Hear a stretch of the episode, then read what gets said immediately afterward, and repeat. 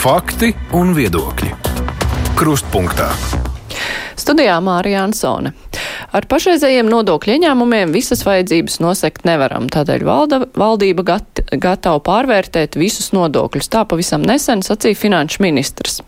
Pēdējie gadi finanšu jomā ir bijuši sarežģīti, jo pasauli piemeklējas sen neredzētas krīzes - pandēmija, tagad karš Ukrainā, un katra no tām ir citādi ietekmējusi ekonomiku. Kā izrauties no finanšu problēmām un arī atpalicības no kaimiņiem mēs runāsim šodien. Mūsu studijā ir fiskālās disciplīnas padomas vadītāja vadītāja Inna Steinbuka. Labdien! Labdien! Tagad, eh, kad arvien biežāk dzirdam no valdības puses, ka naudas nav un nepietiek visām vajadzībām, ļoti bieži tiek atgādināta premjera frāze - naudas ir tik daudz kā nekad. Un tas bija pirms nu, īsa laika salīdzinoši, tas bija pandēmijas laikā. Uh, nu, ar to naudu, kuras toreiz bija tik daudz, vai tad uh, tika valdība izrīkojās prātīgi, ja reiz mēs esam nonākuši līdz tam, ka naudas nav. Mm. Nu, man liekas, ka naudas nekad nav pa daudz. Un, ja premjeras toreiz izteicās varbūt nedaudz vieglprātīgi, ka naudas ir pa daudz. Ko viņš ar to varēja domāt? Es jau neesmu viņš un nevaru traktēt eh, viņa domās, bet es mēģināšu. Tātad um, toreiz ne jau nauda tā parādījās budžetā dēļ kaut kādā ļoti liela ekonomikas izrāvienā. Uh, tā tas nav. Vienkārši Eiropas Savienība, Eiropas komisija precīz, precīzāk sakot, atcela uh, ierobežojumi uh, budžeta deficīta kāpšanai. Un, un mums toreiz arī deficīts uh, nepajokām palielinājās. Un valdība to naudu, kas faktiski uh, Covid laikā uh, radījās tieši dēļ tā, ka mums bija atļauts uh, nebūt īpaši fiskāli disciplinētiem, ja? nu, viņš atļāvās un visa valdība atļāva faktiski atbalstīt ko? Atbalstīt iedzīvotājus, kas bija lockdownā, kas bija, mm, kas nevarēja strādāt vai ne objektīvu iemeslu dēļ, ne tāpēc, ka viņi negribēja, viņi cilvēki sēdēja mājās. Labākā gadījumā strādā attālināti, sliktākā gadījumā bija digstāvis. Tas pats noticis ar uzņēmumiem, kuriem arī bija vajadzīga palīdzība. Un faktiski tā nu, lieka nauda bija izmantota tieši tam atbalstam. Un, jā, starp citu, arī pieprasījums toreiz samazinājās. Cilvēki īpaši negāja uz, piemēram, uz nezinu, nopirkt drēbes, jo tas drēbes īpaši nebija vajadzīgas, sežot mājās vai ne. Cilvēki negāja izklaidēties, jo nebija kur iet, viss bija ciet. Jā, tā kā nebija arī kur terēt to naudu. Tāpēc arī, kas saka, izveidojas kaut kāda uzkrājums. Es nerunāju par budžetu, es tagad runāju par, par cilvēkiem. Tāpēc bija tāds iespējas kopējais, ka gan budžeta ir nauda, gan arī sabiedrība ir nauda. Jūsu jautājuma otrā daļa, cik prātīgi bija sniegts tas atbalsts? Nu, es teiktu, ka salīdzinot ar citām Eiropas Savienības valstīm, kopumā tas virziens bija ļoti līdzīgs. Un arī tās, ko mēs, piemēram, krit, kritizējām, nu, piemēram, tad, kad bija nolēms vienlaicīgi visiem pensionāriem dot tur vienreizē atbalstu 200 eiro, un mēs uzskatījām, ka visiem nemaz nevajag dot, jo daži ir turīgi un vispār jāskatās nevis uz pensionāriem, bet uz maisaimniecībām. Jā. Uh, nu, varbūt tas nebija īpaši prātīgi. Tas pats attiecas uz ģimenēm ar bērniem. Jā. Uh, bet, uh, bet īstenībā arī citas valstis rīkojas nu, līdzīgi, jo gribēja samazināt spriedzi sabiedrībai. Visi bija uztraukti, un tomēr tad, kad ieplūta lieka nauda, nu, nedaudz uzlabojas uh, garastāvoklis. Bet runa ir viena lieta, ir atbalsts iedzīvotājiem, par ko droši vien arī iedzīvotāji nestrīdās, ka tas bija nepieciešams nepieciešams. Tajā pašā laikā, nu, ja reiz bija noņemta tā barjera budžeta griestiem, vai nebija iespēja arī pandēmijas laikā nu, kaut kā ieguldīt tālredzīgi ilgtermiņā, jo citas valstis eh, arī Covid laikā, ar ko mēs ļoti attaisnojamies, nu, ir veikušas lielāku izrāvienu nekā mēs. Tā ir taisnība. Un es uzskatu, ka tā atbalsta otrā daļa atbalsta uzņēmumiem tas bija veikts pēc relatīvi formāliem kritērijiem, un zem tiem formāliem kritērijiem diezgan daudz bija uzņēmumu, kur mēs saucam par zombiju, tā saucamie zombiju uzņēmumi, kuru finanšu plāns bija balstīts uz valsts atbalstu. Jo vairāk, nu, teiksim, viņi jau tāpat būtu bankrotējuši, bet pateicoties eh, krīzē un iespējamībai saņemt atbalstu, viņi turēs virs ūdens. Nu, tās atbalsts, eh, protams, ka vēl nav varbūt izvērtēts līdz galam, bet, eh, bet jā, tur laikam varēja izmantot to naudu daudz efektīvāk un liederīgāk. Kas attiecas uz lieliem projektiem, nu te gan vajadzēja valdībai tiešām izmantot krīzi kā iespēju un mēģināt uh, veicināt to izrāvienu tautsēmniecība, kas nav noticis kā rezultātā. Nu, tas faktiski nav tikai valdības uh, šī brīža nu, teiksim, netālredzība. Es teiktu, ka tās uzkrājās arī no iepriekšējām valdībām, ka mēs nevarējām to izrāvienu veicināt. Es saku, kā rezultātā, e, ja mēs paskatāmies uz, uz tādu vispārēju ekonomikas nu, attīstības vai ekonomikas labklājības rādītāju, ka iekšzemes koprodukts uz vienu iedzīvotāju pēc pirktspējas paritātes, ja, tad mēs jau atpaliekam no Rumānijas. Tāpat laikā Igaunija un Lietuva apsteidz Spāniju apsteidz Spāniju. Nu, kā jūs un, to skaidrojat? Kā jūs nu, to kā skaidrojat? skaidrot? Tas bija ilgtermiņā, tas veidojas vēlreiz, es gribu teikt. Es ne, nekādā gadījumā negribu vainot tieši un tikai esošo valdību, iepriekšējo valdību. Nē, tas, tā atpalīdzība veidojas gadsi, nu, desmit gadu laikā, 15 gadu laikā, un praktiski varbūt pat kopš neatkarības, vai vismaz kopš uh, finanšu krīzes laikiem. Jā. Bet kāpēc? Vai, kas, kas ir vainas mūsu pieejai? Vai, vai runa ir par nodokļu sistēmu, kas mm -mm. ir pārāk samudžināta, kā saka daudz uzņēmēju, vai runa ir par kaut kādiem atbalsta kritērijiem, vai vispār tam, kā valsts ir nospraudus mērķus, ko mēs gribam redzēt, vai šādas mērķu trūkums varbūt? Es, jā, Te es gan varu piekrist. Ne jau vaina ir nodokļu sistēmā, kura faktiski pat eh, starptautiski ir atzīta par vienu no labākajiem Eiropā. Ja, mēs jau nevaram sevi lamāt visās jomās. Tā tas nav. Un nodokļu sistēma mums, piemēram, ir labāka nekā Francijā. Un, principā, mēs bet eh, nu, dzīvojam sliktāk nekā Francijā. Tā, ir, tā atkal ir cita lieta. Bet jūs arī pieminējāt, man liekas, ka ļoti korekti tas, ka. Uh, iepriekšējām valdībām diezgan ilgi. Tās, tā stratēģija bija veidot tiltu starp rietumiem un austrumiem. Eh, Jā, par to eh, runā arī eh, Latvijas bankas prezidents Mārtiņš Kazaks, un es viņam piekrītu, es arī tā uzskatu.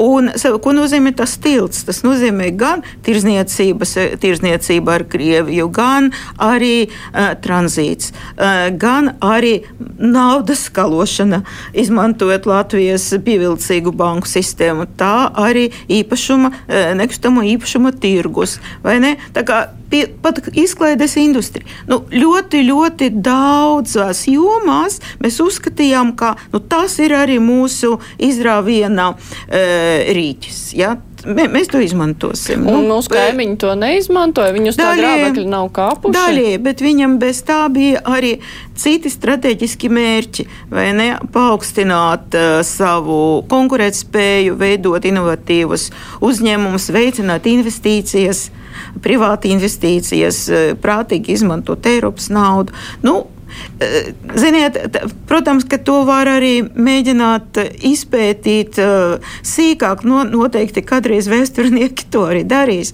Jā, bet, bet jā, viņam veicās daudz labāk. Jā, viņam veicās daudz labāk. Un, tas jau nenozīmē, ka mēs esam galīgi strupceļā. Un, faktiski tas ir drīzāk izaicinājums, ka mums arī vajag kaut ko darīt. Bet tagad mēs, piemēram, fiskālas disciplīnas padomu vērtējām stabilitātes programmu nākamajiem trim gadiem. Viņa drīz būs izskatīta, man liekas, ceturtdienu valdībā. Uh, un, uh, vienīgi, ko es gribu pieminēt, ka tajā programmā Latvijas ekonomikas izaugsmes tempi nākamajiem trim gadiem ir diezgan zemi. Un, uh, Protams, es varu piekrist, ka labāk būt piesardzīgiem, jo stabilitātes programma ir saistīta ar budžetu un nevajag pārspīlēt savas iespējas, bet man gribētos ticēt, ka valdība atradīs pareizo mehānismu, lai tomēr īstenībā tie izaugsmes tempi, tas nu, reālais scenārijs, atšķirsies no teoretiska scenārija un ka mēs izaugsim straujāk. Jo, ja izaugsmes tempi būs 2-3% gadā, Nu, labi, šajā gadā mēs neko īpaši nevaram gaidīt. Labākā gadījumā būsim nedaudz virs nulles, un tas jau ir plus. Ja, bet nākamajos gados mums tomēr iepludīs ļoti daudz Eiropas Savienības fondu. Un ņemot vērā, ka Latvijā pagaidām es neredzu kaut kādas privātus uzņēmējus, kas baigi raujās tur investēt, ja, nu, vismaz to Eiropas Savienības naudu jāizmanto prātīgi, liederīgi un galvenais visu jāizmanto. Bet, bet ja jūs eh, minat, ka izaugsmas tempi ir prognozēti, prognozēti zemi, tie nu, minējumi jau ir veidot uz kaut kādu reāliem datiem, vai ne? Nu, noteikti. Bet eh, kas liek domāt, ka kaut kas notiks, jo jūs sakat, vald, mēs ceram, ka valdība kaut ko paveiks, bet vai tā nav tāda mazliet cerība uz brīnumu, jo mēs jau redzam, Nē, kā. Tas, tas nav tā, tikai brīnums, bet, bet redziet, nu, es pieminēju to pašu Eiropas uh, Savienības naudu, tas ir gan kohēzijas līdzekļi, gan atveseļošanas noturības, nu, dažādi līdzekļi no Eiropas budžeta. Ja? Bet mums, piemēram, uh, būvniecības industrijai trūkst kapacitāte, un risks ir tāds, ka tā visa visa nauda, kas būs mums pieejama, netiks izmantota. Visa. Ja, tas uzreiz mazinās pieauguma tempus. Jo, piemēram, Eiropas komisija uh, eksperti aprēķināja, ka visa tā nauda tiks izmantota, tad 20, 2026. gadā būs tas uh, pieauguma, pieauguma pīķis, nu, kulminācija. Un papildus, kas saka, normālam pieauguma tempam būtu vēl plus līdz pat 2%.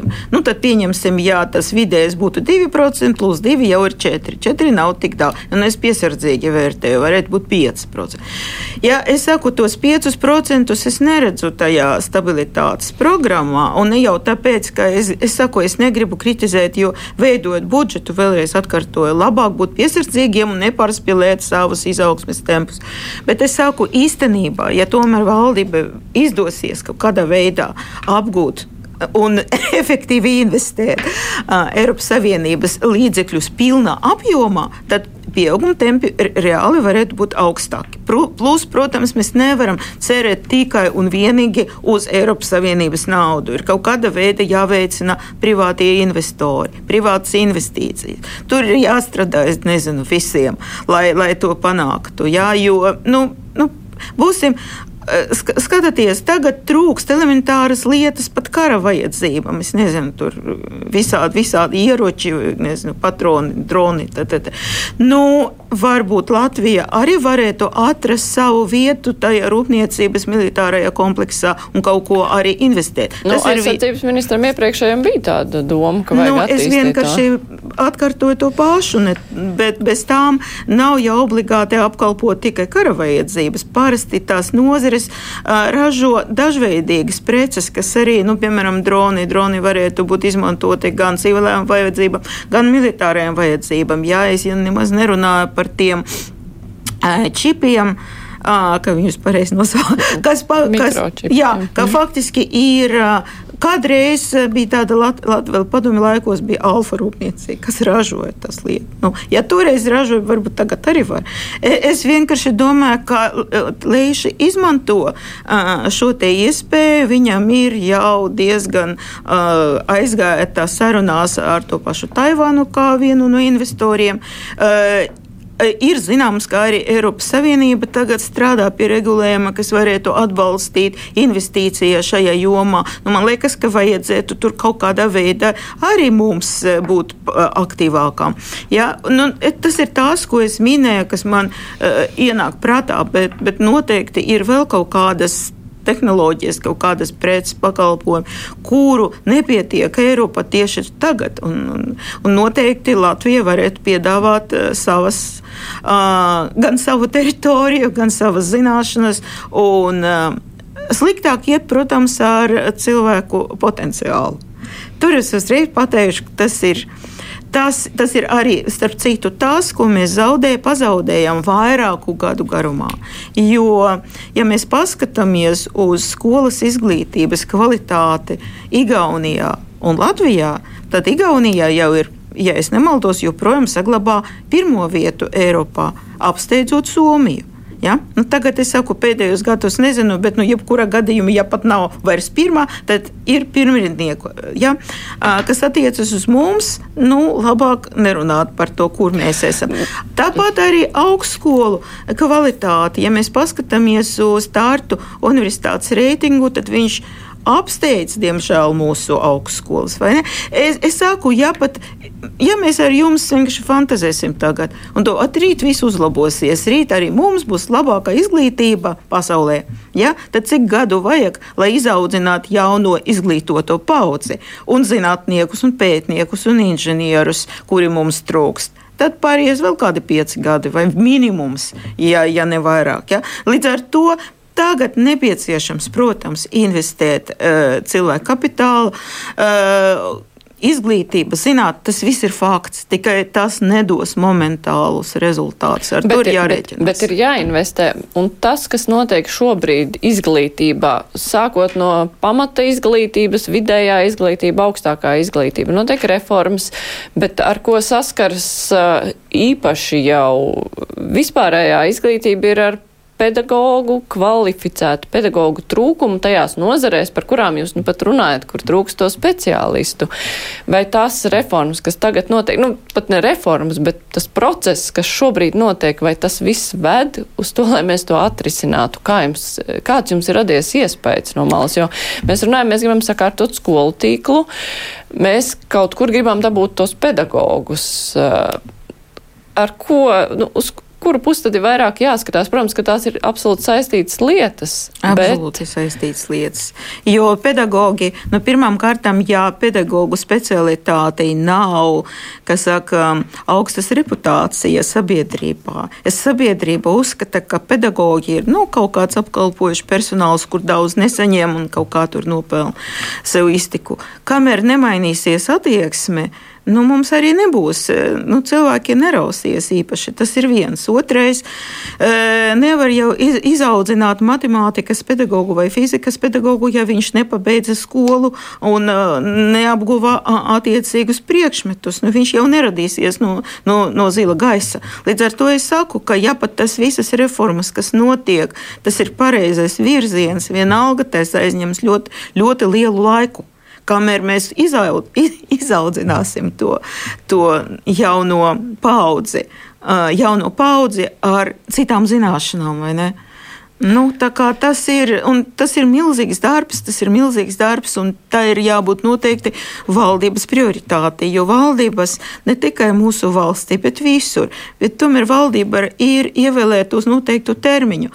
Un šādi valdībai ir tāds īstermiņa domāšanas veids. Nu, tagad mēs kaut ko dabūsim, a, kas būs pēc tiem e, četriem, pieciem gadiem. Nu, To jau lai citi risina. Un tas ir ļoti nepareizi, jo tagad mums ir jādomā, ka būs pēc 10, pēc 20 gadiem. Un ko mēs tagad darām, lai jāpat valdības uh, fun funkcionēšanas laikā nenotiks ļoti stipra izrāviena, bet ir cerība, ka valsts tomēr attīstīsies pareizā virzienā.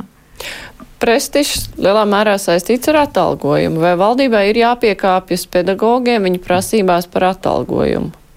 Nu, te, redziet, es esmu pati ar sevi konfliktā, jo būdama fiskālas disciplīnas eh, padomes priekšsēdētāja, mans mandāts ir rūpēties par to, lai valdība tērēt naudu attie, nu, saskaņā ar iespējām. Cik daudz saņemam, tik daudz apmēram tērējam, plus neliels deficīts.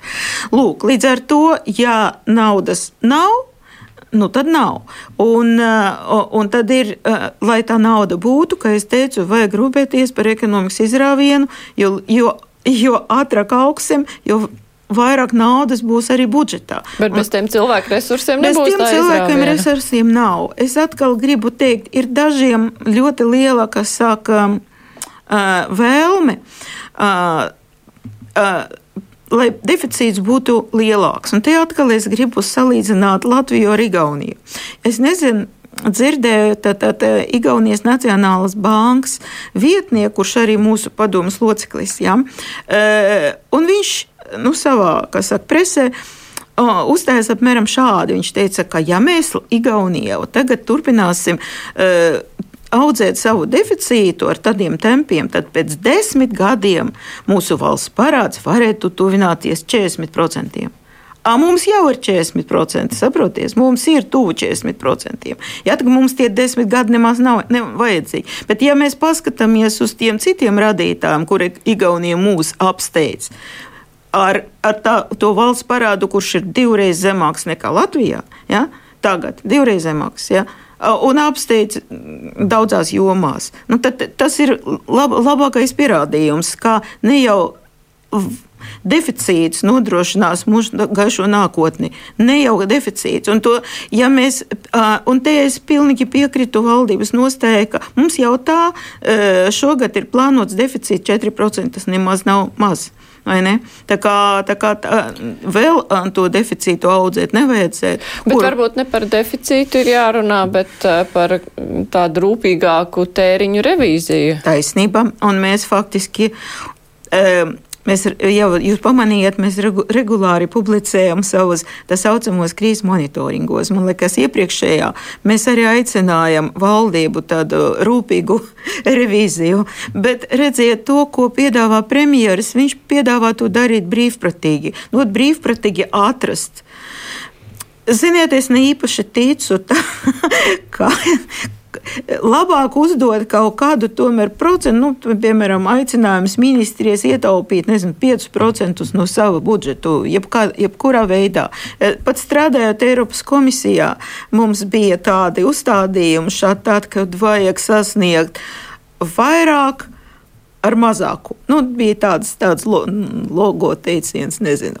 Ja, vairāk ar mazāku. Un tad mazākais tas bija terēt mazāk. Ja, un tad mums bija uzdots, piemēram, savā eh, ģenerāla direktorāta un visos ģenerāla direktorāta samazināt par tik un tik. Ja? Un tad tas tomēr, tie, tomēr ir griezti kaut kādi. Ja? ja man vajag atrast tos 5% un ietaupīt, nu, tad man jau ir uzdevums. Ja man brīvprātīgi vajag kaut ko ietaupīt, nu, varbūt es kaut ko atradīšu pieklājības pēc. Bet, ja mēs, mums ir tradicionāli bagātās un nabadzīgās ministrijas, bagātās un nabadzīgās jomas, vai ir taisnīgi likt visiem vienādi ietaupīt?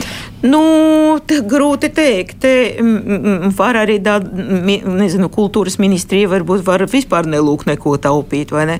Uh, varbūt ir iespējama kaut kāda diferencēta pieeja. Nu, galu galā es jau neesmu valdības vadītājiem man negribās dot padomus, kuru no malas liekas eh, viegli izpildamas, īstenība nav. Bet, nu, principā vajadzētu kaut kā koleģiāli vienoties tiem ministriem, kuri var vairāk, kuri nevar neko, un kaut ko uzdot pēc tam koleģiāli lemjot, nu, kaut kādus minimālos procentus, nu, kaut kā tā. Man liekas, ka tas būtu prātīgāk. Bet, bet es saku, man viegli dot padomus, ka tu neesi atbildīga par šo. Eh, runājot par nākotnes plāniem, eh, jūs jau pieminējāt atvesaļošanās un noturības mehānismu. Tie plāni jau ko Latvija iesniedz, ir zināmi, kur mēs gribējām. Tur bija arī pārmetumi, ka ir pārāk daudz grib atkal būvēt kaut ko, bet nu, kopumā jau bija reformas visdažādākajās nozarēs. Nu, vai tie plāni, cik tālu nu, viņi bija izstrādāti, tas vieš cerības uz to, ka mēs spēsim izrauties no tās atpalicības, neiekavēt vēl vairāk no tiem konkurentiem, kur ir ātrāk nokāpuši no austrumu grābekļa un vispārējā. Nu, ziniet, arī citās Eiropas Savienības valstīs izmanto to pašus līdzekļus, vai ne? Līdz ar to mums ir atkal vienāda starta pozīcijas no tā redzesloka, ka visi saņem naudu no Eiropas budžeta, jā, un pēc tam mēs notiek sacensība kas labāk izmantos un prātīgāk un efektīvāk. Kas attiecās uz, jā, un Eiropas komisija, protams, arī nosaka zināmus ierobežojumus vai zināmus virzienus, kur noteikti ir jāiegulda tie līdzekļi, lai mēs uh, būtu, uh, ja, ja mēs rīkotos saskaņā ar Eiropas Savienības prioritātēm. Tā ir zaļā ekonomika un tā ir digitalizācija. Mēs tur neko nevaram īpaši mainīt. Bet tad ir daudz lietas, kas tomēr atkarīgi no, atkarīgi no mums. Cik no tā, tie, tos līdzekļus mēs tiešām, kā saka, ieraksim betonā. Starp citu, es nesen runāju ar, bu, nes, mani uzaicināja būvniecības padome uz savu sēdi. Viņi bija tāda neizpratnē, ko tad es domāju ar to naudas ierakšanu betonā. Un es, nu, es faktiski skaidroju, ka tas nav pārmetums nozarē, tas ir drīzāk pārmetums valdībai, kas eh, izvirza par nu, teiksim, pārāk daudz projektus, kas prasa nu, atkal vai nu tiltus, vai nu ceļus, vai nu kaut ko tādu, ko mēs principā varam darīt arī no sava budžeta. Nav obligāti tam piesaistīt Eiropas līdzekļus. Un bez tam ņemot vērā, ka uh, šobrīd būvniecība trūks cilvēku resursu un kapacitāte, lai apgūtu to līdzekļu. Pastāv ļoti liels risks, ka mēs pat nevarēsim līdz galam ierakt arī betonā to naudu. Un risks ir tāds, ka mēs vienkārši viņu nespēsim apgūt. Ja? Bet galvenais, ko es gribēju teikt ar to izteicienu, ka nevajag ierakt betonā, ka vajag atrast tādas jomas, kur mēs tiešām varētu stiprināt savas valsts konkurētspēju. Jo, ja mēs paskatāmies uz eksportu, labi, eksports pieaug, bet eksporta pieauguma tempi sabremzējušā, nu, tagad ir lēnāki, vai ne? Un, um, Un, e, un ko mēs arī eksportējām? Vai mēs tiešām eksportējām e, preces ar augstu pievienotu vērtību, jā, ar to, kas tiek, vai mēs atradam tādu nišu, kur neviens mums nevar aizstāt, ja mēs turpināsim eksportēt koku, vai ne? Vai pārtiku, kas, kas ir savādāk. Nu, lūk, tad, kad tur ir vesels komplekss jautājumu, kuru, par kuriem te gan ir valdības liela atbildība, kā efektīvāk sadalīt to Eiropas vērtīgu naudu ja, un arī atrast resursus, kā, kā viņu apgūt. Bet nu, tas process, kas ir noticis līdz šim, tas vedina domāt, ka, bū, ka tas būs veiksmīgi. Vai pagaidām par to vēl ir pārāk spriest? Nu, pārāk spriest, eh, bet, bet ir signāli, ka varētu būt problēmas. Bet man gribās būt optimisti. Es tiešām gribu domāt, ka tomēr mēs to naudu veiksmīgi izterēsim. Bet, eh, ja tomēr ir signāli, tad kam ir jāpievērš uzmanība un kuram ir jāpievērš uzmanība? Nē, nu jāskatās eh, gan eh, uz būvniecības nozares problēmām, varbūt kaut kādā veidā var prātīgi risināt darba roku trūkumu Es, es nezinu, kā, bet nu, laikam valdībai ir kaut kādi, kaut kādi mehānismi, kā to darīt. Lūk, uh, un varbūt, var vēl, varbūt vēl nav pavēlu kaut kādu. Kaut kādus līdzekļus, kuru nevar apgūt, kā saka, būvniecība, pārdalīt pa labu kaut kādam citam nozarēm, kas to var izdarīt. Tā, tā, tā, tā, tā paša digitalizācija varbūt var kaut ko vairāk uh, ieguldīt no tiem līdzekļiem vai zaļai ekonomijai. Nu, kaut kāda pārdeve. Bet es saku, tas ir Tie ir vispārējie ieteikumi, un, uh, un valdībā un atbildīgas ministrijas labāk zina to situāciju. Tā kā es, es vēlreiz saku, ļoti viegli sniegt padomus. Nu jā, bet nu, skaidrs, ka par tām lietām ir jārunā un jāatgādina. bet uh, ir vēl viens temats, uh, par ko noteikti grib runāt, tā ir ēna ekonomika, bet uh, atgādināšu klausītājiem mūsu un vēlāk uh, cilvēkiem, kur skatīsies mūsu Latvijas televīzijā, ka šodien kopā ar mums ir fiskālās disciplīnas disciplīnas padomas vadītāja Inna Steinbuk, un mēs tūlīt turpināsim sarunu. Raidījums Krustpunktā. Jā, ēnu ekonomika. Uh, arī tas ir nu, mēs tur esam rekordisti salīdzinājumā ar kaimiņiem, bet, diemžēl, uz slikto pusi. Uh, pandēmijas laikā arī kaimiņiem situācija pasliktinājās, bet mums tie pēdējie dati bija pār pa 26% ēna ekonomika, un tas uh, izklausās šausmīgi daudz. Jūs sakat, nodokļu sistēma mums ir viena no labākajām Eiropā. Tad kas pie vainas ir ēnu ekonomikai, ja tā nav nodokļu sistēma? Jā, nu, es teiktu, ka 90. gada sākumā, kad es strādāju Finanšu ministrijā, bija tāds etaps manā dzīvē. Un, un toreiz es izveidoju tādu makroekonomikas un fiskālās politikas departamentu. Un viens no mūsu izpētes problēmām bija enoekonomika. Man pat bija toreiz nopublicēti raksti, kur mēs uh, aprēķinām. Nu, Ziniet, NS ekonomikas raz, apmēru nekad nevar aprēķināt precīzi. Vienmēr ir tikai novērtējums.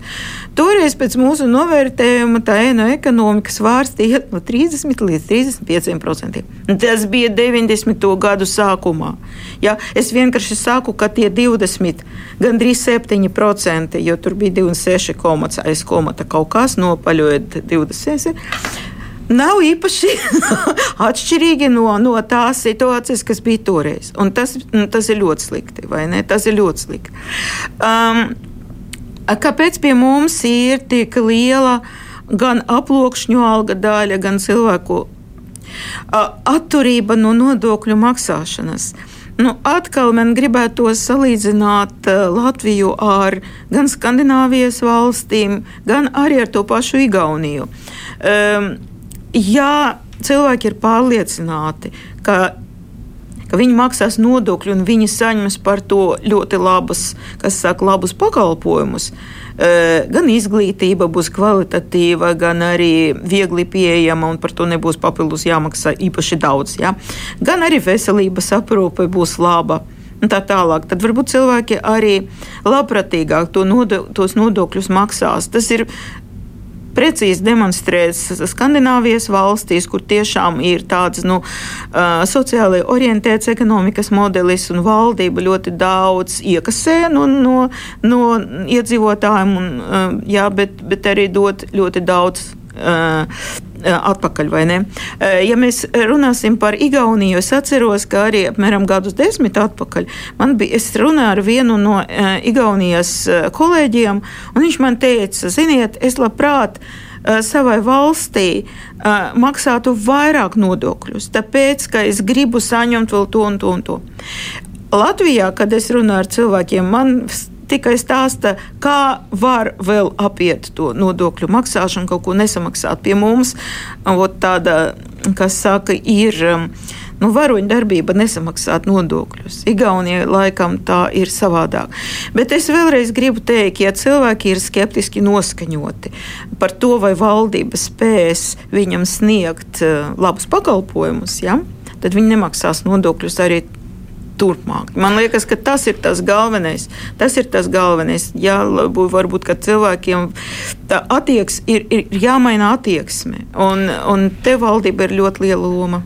Bet nu, Igaunijā jau arī nav tā, ka visi Igauni būtu ar visu apmierināti. Uh, vienlaikus uh, Igaunija tiek minēta kā piemērs nu, tādai vieglai nodokļu maksāšanas sistēmai, kur eh, nu, cilvēki arī sa saziņā ar ieņēmumu dienestu viņi neapjūk, jo viņiem tur nav kaut kāds tāds ļoti sarežģīts, eh, diferencēti nodokļi, ar kuriem pat grāmatveži netiek īsti galā. Un otra lieta, par ko sūdzas mū, par mūsu ieņēmumu dienestu, ka ieņēmumu dienests visus uzskata potenciāli, ka viņi ir kaut ko pārkāpuši, es nu, raksturoju kā cilvēku to, mm -hmm. to, to, stāstu, ka visi ir potenciāli krāpnieki, un tad viņiem jāpierāda, ka viņi nav krāpnieki.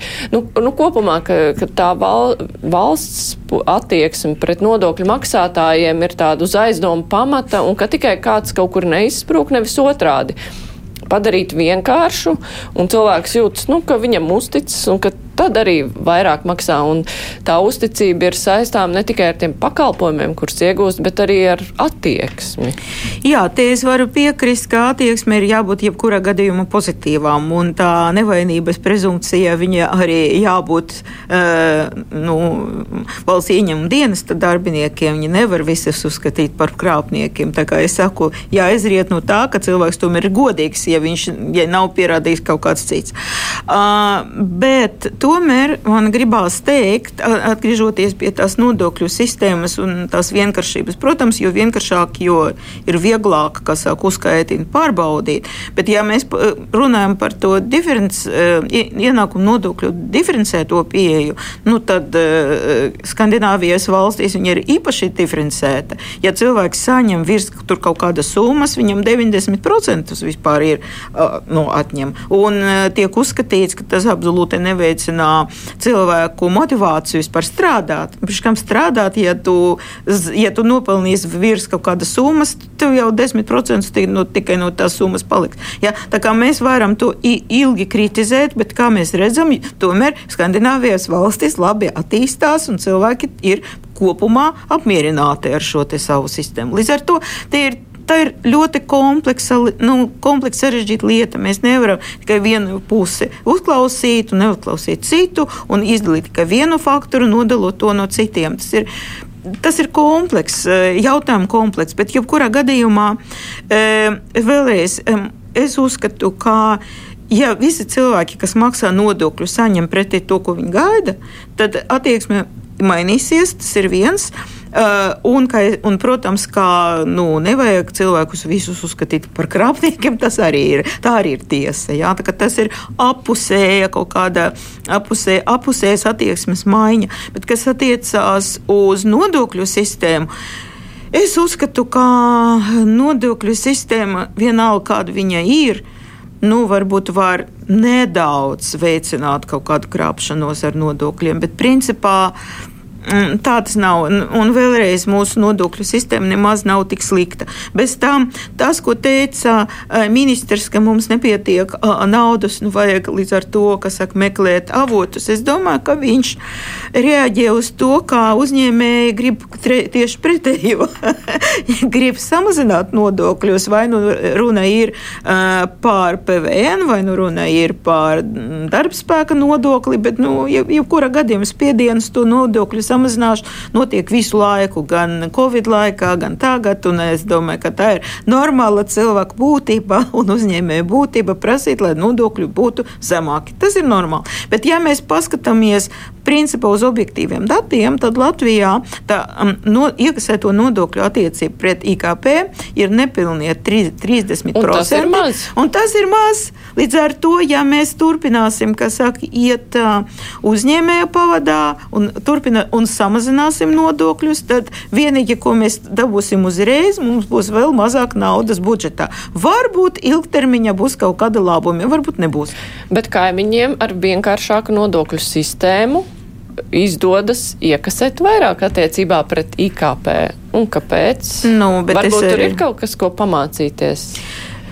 Noteikti pamācīties vienmēr ir vērts.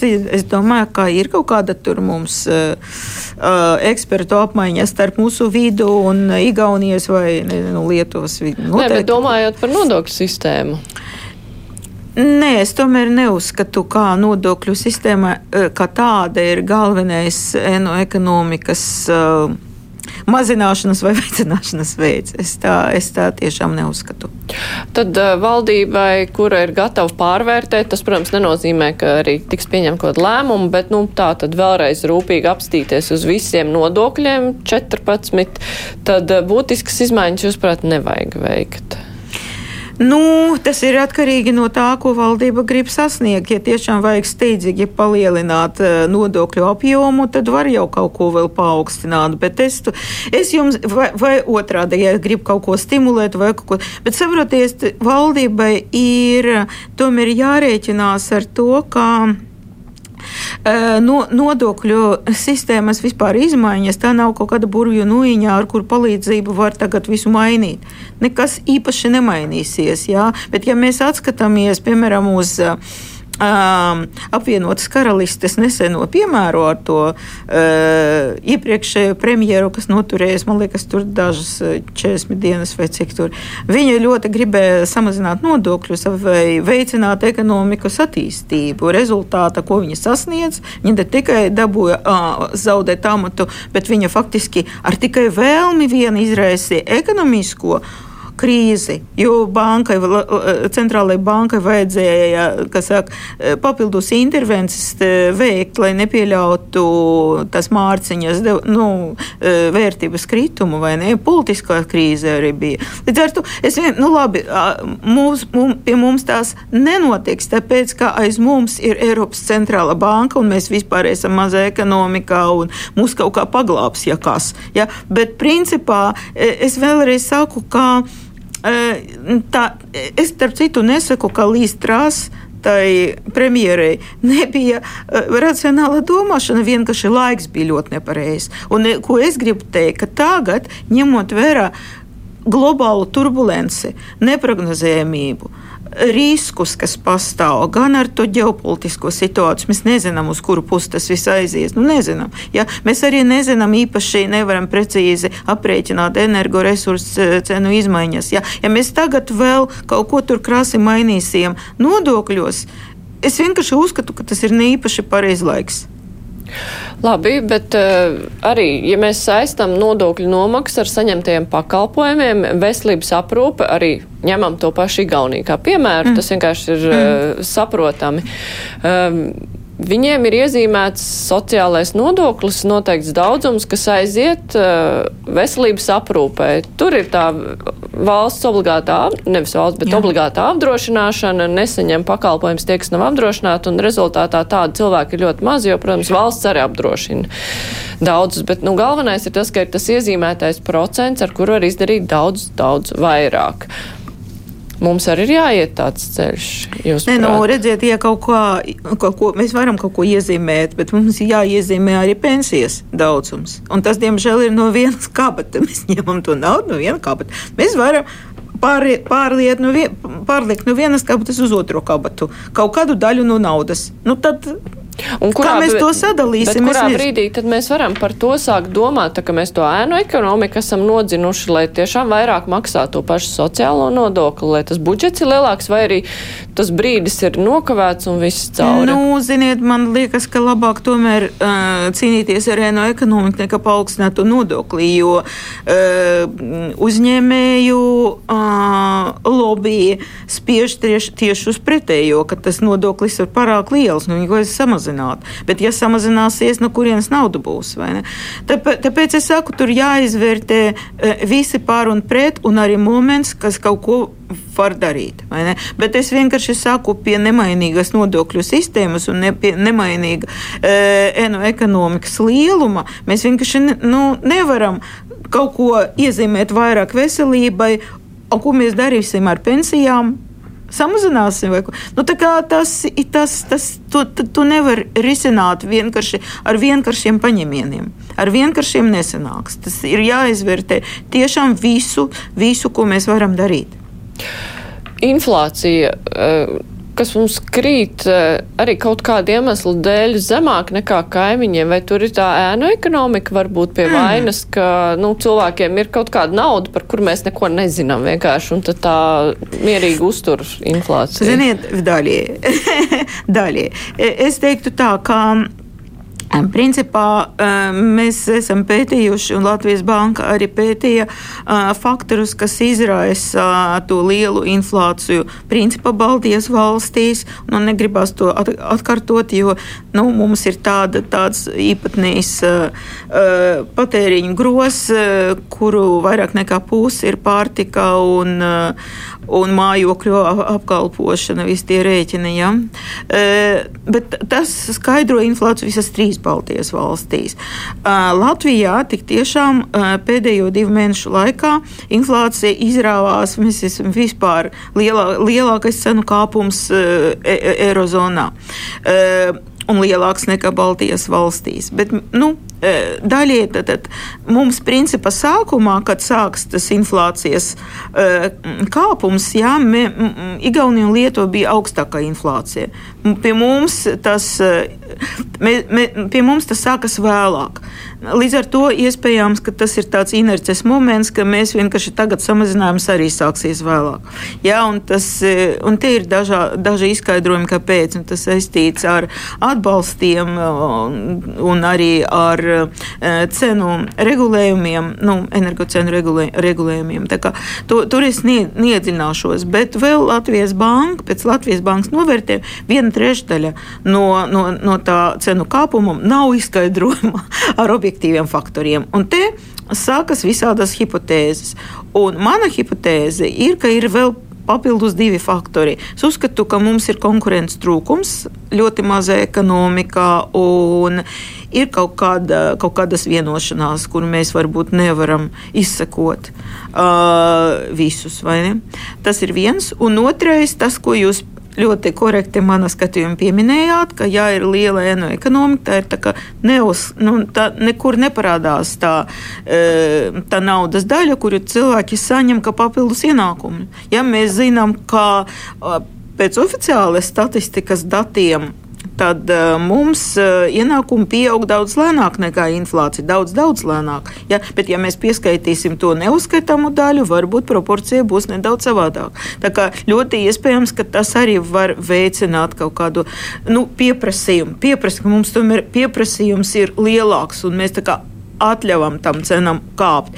Bet pozitīva ziņa ir, ir faktiski divas pozitīvas ziņas no tā viedokļa. Tad eh, pēc ātra eh, Eurostāta novērtējuma jau.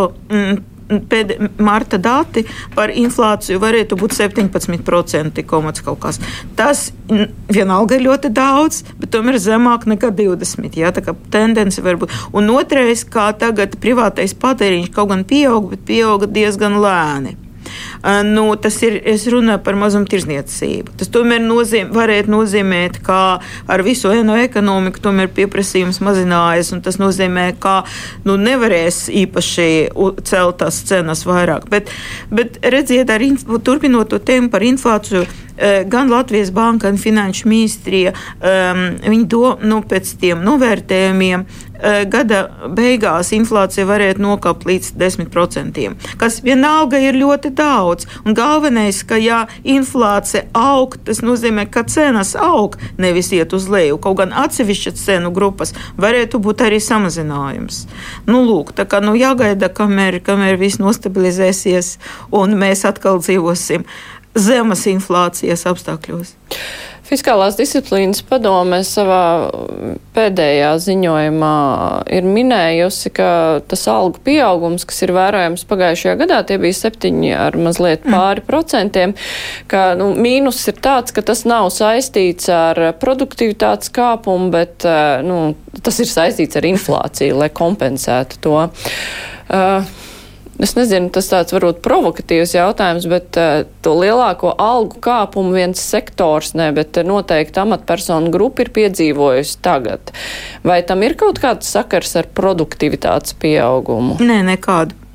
Tur vienkārši nav, jo mēs, kad aprēķinām produktivitāti, tad tas ir faktiski iekšzemes koprodukts vai nu uz vienu uh, strādājošo, vai nu uz uh, nostrādātām darba stundām. Bet vai vajadzētu būt saistītam ar produktivitāti, jo tas, ko pārmet valdībai, algas pacēla, bet kur ir kaut kāds darba rezultāts produktīvāks? Nē, nu, tas ir, man liekas, tā ir nedaudz cita tēma, jo te mēs skatāmies, cik kvalitatīvi un tas nozīmē arī efektīvi varētu strādāt uh, valsts pārvaldes cilvēki. Jā, un es pati zinu, ka ir nenormāli grūti atrast labu ekspertu par tām algām, kuru, kuram viņam tiek piedāvāts. Viņam tā, tā, tas algu pieaugums nebija. Bija tāds algu pieaugums tur, kur nu, nav grūtības atrast tur saimnes deputātu, piemēram, vai ko no, tādu. Tā, tā atkarīga politika.